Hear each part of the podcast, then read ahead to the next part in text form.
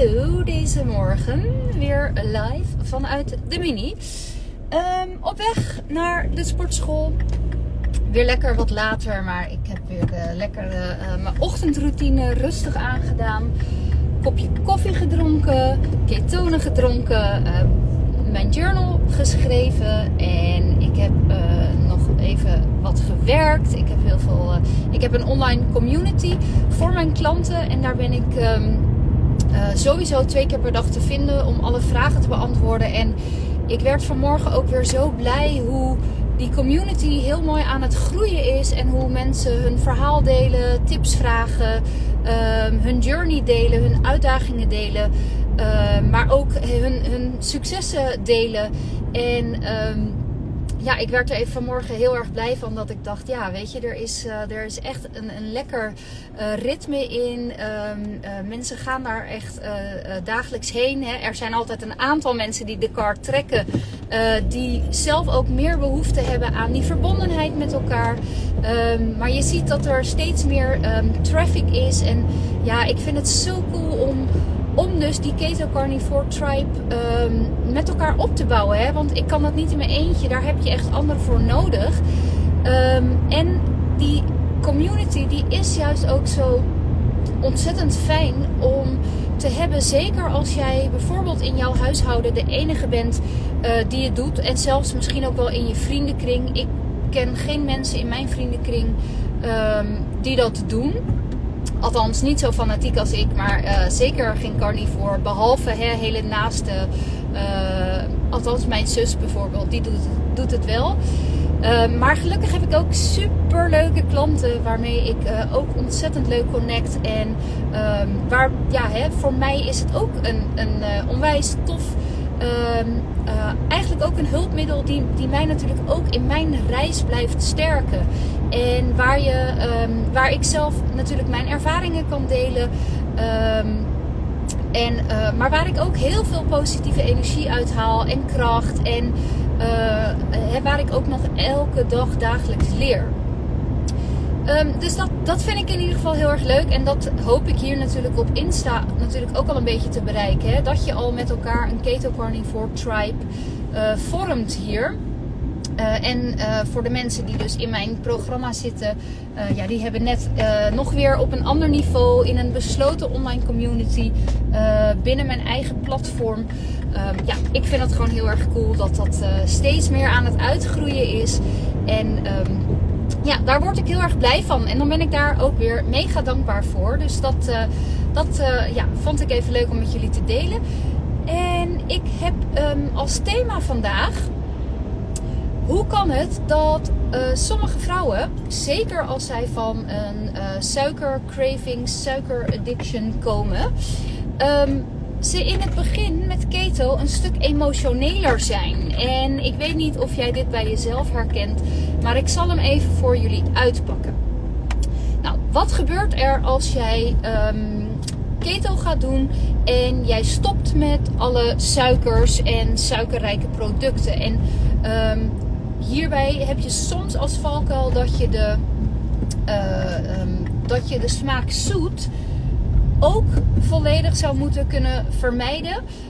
Um, en mensen die de smaak zoet nog wel in hun eetpatroon hebben, die zullen misschien ook minder last hebben van die emotionele uh, schommelingen in het begin. En ik ga je uitleggen waarom. Als jij als kopingsmechanisme ergens along the way in jouw leven jezelf hebt aangeleerd uh, je te troosten en comfort te geven middels het eten van koolhydraatrijke voedingsmiddelen. En voor, de, voor veel mensen die troost zoeken, zijn het echt zoete dingen.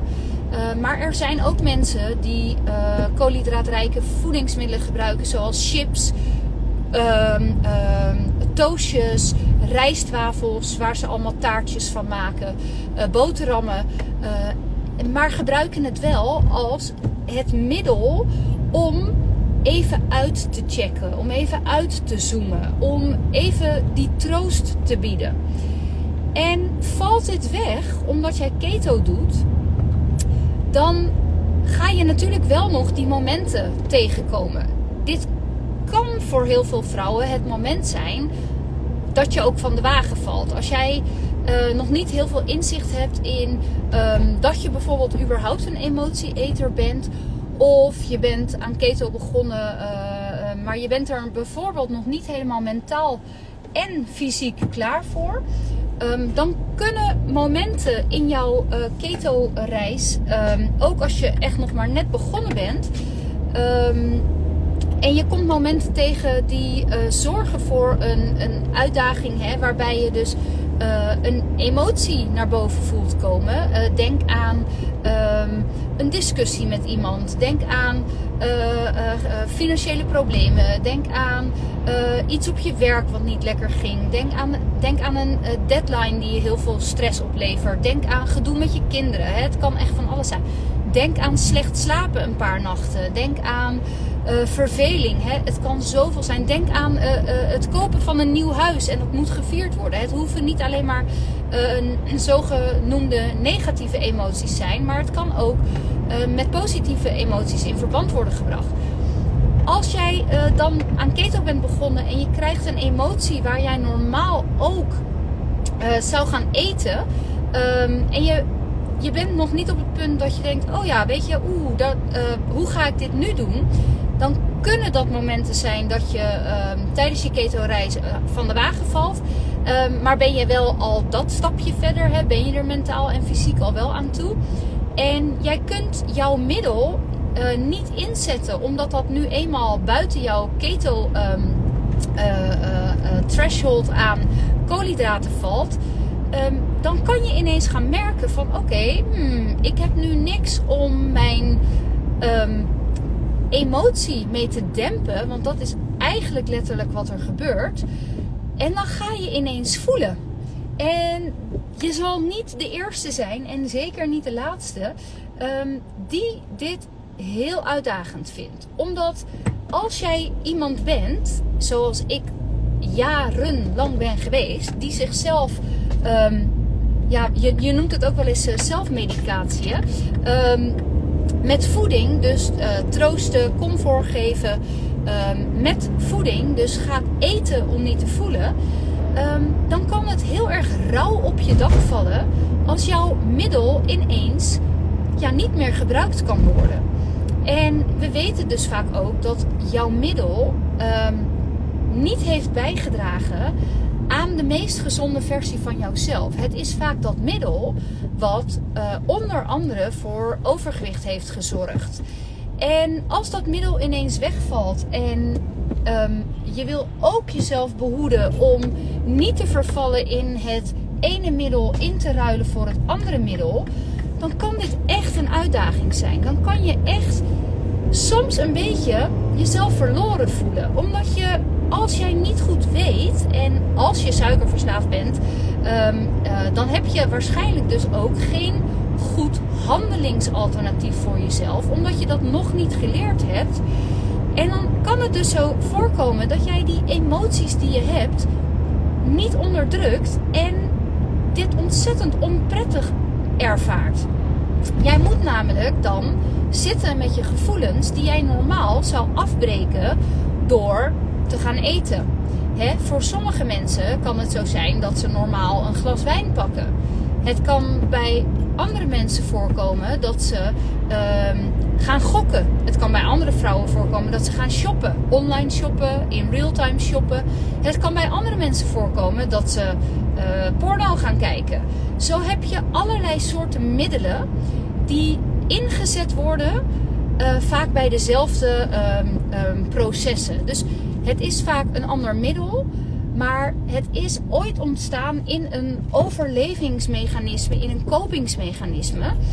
Um, omdat we op dat moment dat ja, eh, als het ware hebben aangeleerd. Uh, maar wij ook dus vaak op die momenten, het is vaak al in de vroege jeugd ontstaan, niet hebben geleerd hoe we adequaat met dit soort gevoelens, emoties uh, hebben leren omgaan.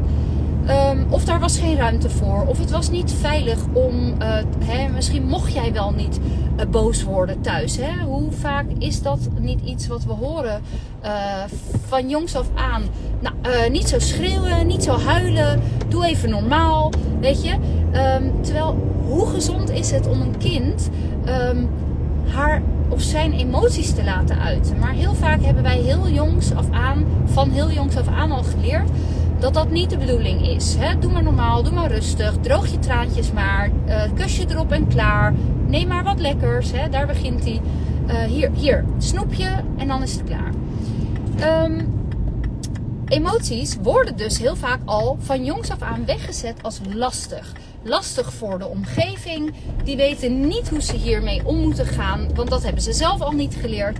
En dan word jij dus ook nog eens ontmoedigd om hier adequaat mee om te leren gaan. En dat is dus een, um, een, um, een uitnodiging voor jezelf om dat dus wel, en zo, zo, zo, zo, zo belangrijk, om dit ergens in je leven wel te gaan leren.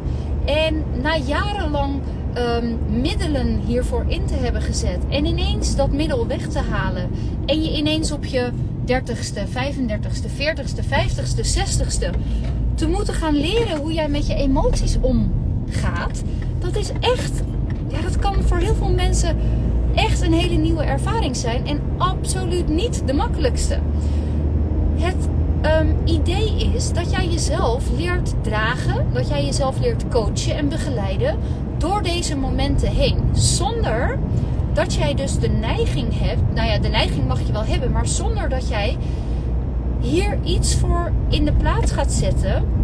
Waarbij je eigenlijk het voelen van die, van die emotie afbreekt.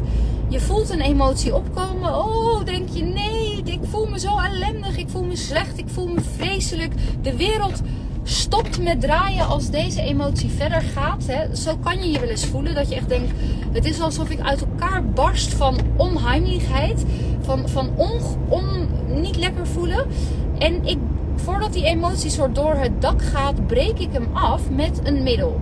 En hè, nogmaals, dat kan uh, drank, drugs, seks, alcohol, eten, uh, van alles zijn. Um, en dan denk je, oh ja, ik ben er weer. Maar het enige wat je doet is een soort dopamine kick geven. Uh, uh, je denkt dat je ervan ontspant. Roken hè, is er natuurlijk ook één. Wij denken dat het ontspant. Maar vaak is dat natuurlijk helemaal niet het geval. Je schuift alleen maar al die lessen die jij te leren hebt op. En die lessen die blijven echt op jou leren wachten. Liggen wachten. Want die lessen in dit leven moeten die gewoon geleerd worden. Je schiet er echt namelijk geen fluit mee op om continu maar um, jezelf niet te gunnen door deze lessen heen te gaan. Maar je moet je daar eerst bewust van zijn. En ik was dat jaren niet. Um, ja, weet je, ik wist gewoon, nou, huilen doen we niet, uh, boos worden is niet, uh, uh, dat is ook niet chic, um, dacht ik, hè. Dat waren mijn overtuigingen. En ja, doe maar gewoon normaal. Wees maar een beetje hè, onder de radar. Doe niet uh, uitbundig. Uh, laat je emoties maar vooral niet echt zien. Um, dat is het best voor iedereen. Um, maar al die lessen die wel geleerd moesten worden en emoties die gewoon um, geleerd mochten worden om daar adequaat mee om te kunnen gaan, die lessen die bleven gewoon op mij liggen wachten. Dat was iets wat ik gewoon op latere leeftijd dus heb moeten leren. En waar ik nog steeds elke dag voor op mag komen dagen. Want natuurlijk zijn er nog steeds dagen dat ik denk. Ik heb geen zin om me verdrietig, uh, emotioneel, down, um, super euforisch. Nou, daar heb ik dan meestal wat minder moeite mee. Um, maar om, om, om uh, laag in mijn emoties te zitten, heb ik dan helemaal geen zin in. Um, en dan denk ik natuurlijk nog wel eens, weet je, ik ga even lekker een nieuwe jurk kopen. Of ik ga even lekker uh, um, chocola eten. Of ik ga even lekker uh, een serie wegbingen. Want dan hoef ik ook niet te voelen. Hè? Ook dat is um, een manier om niet te hoeven voelen. En uit contact met jezelf te gaan. Want dat is eigenlijk wat er gebeurt. oh ja, nou moet ik even parkeren. Um, dus dat is iets wat op jou ligt te wachten als je dat gewend bent om steeds weg te, uh, uh, um, weg te poetsen met een bepaald middel. Valt dat middel dus weg, dan kun je in het begin van jouw keto journey merken dat je dus veel emotioneler bent. Je gaat dus merken dat je überhaupt heel erg gaat voelen. En dit zijn de momenten dat ik altijd aanraad aan mijn klanten: pak een notitieblok, pak je dagboek, pak een journal en ga je gevoelens omschrijven. Ga omschrijven wat je voelt. Ga omschrijven, pardon, waardoor jij die trigger, um, waardoor die trigger is ontstaan. Waarom voel ik me nu onheimlich of verdrietig of super blij of hè, en soms kunnen dat hele aanwijsbare redenen zijn. Ik ben super blij want ik ben geslaagd. Bewijs van. Ik heb een nieuw huis gekocht of nou iets. Je kan ook um, uh, heel duidelijk vaak zien van jeetje, mijn baas heeft tegen me, uh, uh, die is tegen me uitgevallen. Ik merk dat ik me onrecht aangedaan voel. Of um, hij heeft gewoon iets gezegd waar ik gekwetst door ben, hij of zij. En daar voel ik me gewoon rot door. Hè. Soms is het heel aanwijsbaar. Um, maar heel vaak weten we dat we op een gegeven moment ons niet, niet heel tof voelen. Maar is het soms wat moeilijker om die trigger uh, te herleiden? En dan is het echt even graven. En dan is het zo waardevol om bijvoorbeeld gewoon eens op te schrijven: oké, mijn dag zag er zo en zo uit. En soms als je die dag omschrijft, kun je ineens ervaren van, ah, hier zat de trigger. En het was niet één ding, het was een opstapeling van een paar frustraties. En daardoor voel ik me nu aan het einde van de dag leeg, moe, chagrijnig en geïrriteerd. Maar het is zo ontzettend waardevol om voor jouzelf dat fundament op te bouwen waar jouw triggers zitten. En waardoor jij je bijvoorbeeld ehm, uit het lood laat slaan of geïrriteerd door raakt. Of nou ja, dit soort dingen. En het is dan dus ook heel normaal dat je dus in, die, in jouw keto journey, als jij jouw middel niet meer inzet, gaat leren voelen. En dat leren voelen, hè, dat kan dus de sleutel zijn naar succesvol afvallen. En dat klinkt nu misschien heel raar, maar als jij jouw ongezonde gedrag, dus eten wanneer je je niet lekker voelt, um, jouw emoties daarmee dus eigenlijk ondermijnt. Um, maar dat eten zorgt vaak voor meer hè, voor meer eten dan je zou willen, voor meer eten dan je nodig hebt, vaak ook op tijden dat jij eigenlijk niet meer uh, zou moeten eten. Hè? Dus tijden waarin je eigenlijk al in jouw vast wil zitten. Um, dat zijn vaak de tijden dat wij e-, eetbuien hebben. Althans, zo was het voor mij altijd. Altijd in de avond, na achten.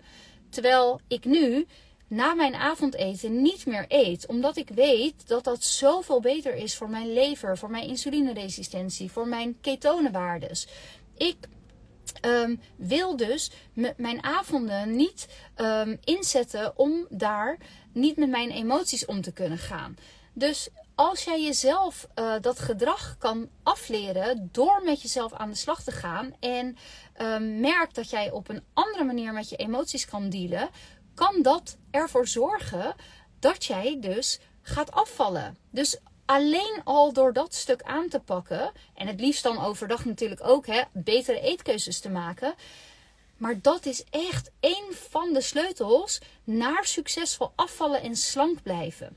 Want dit is wel een proces wat jaren kan kosten. Het heeft je namelijk ook jaren gekost om dit op te bouwen, om daar routines in te bouwen. En het is vaak een.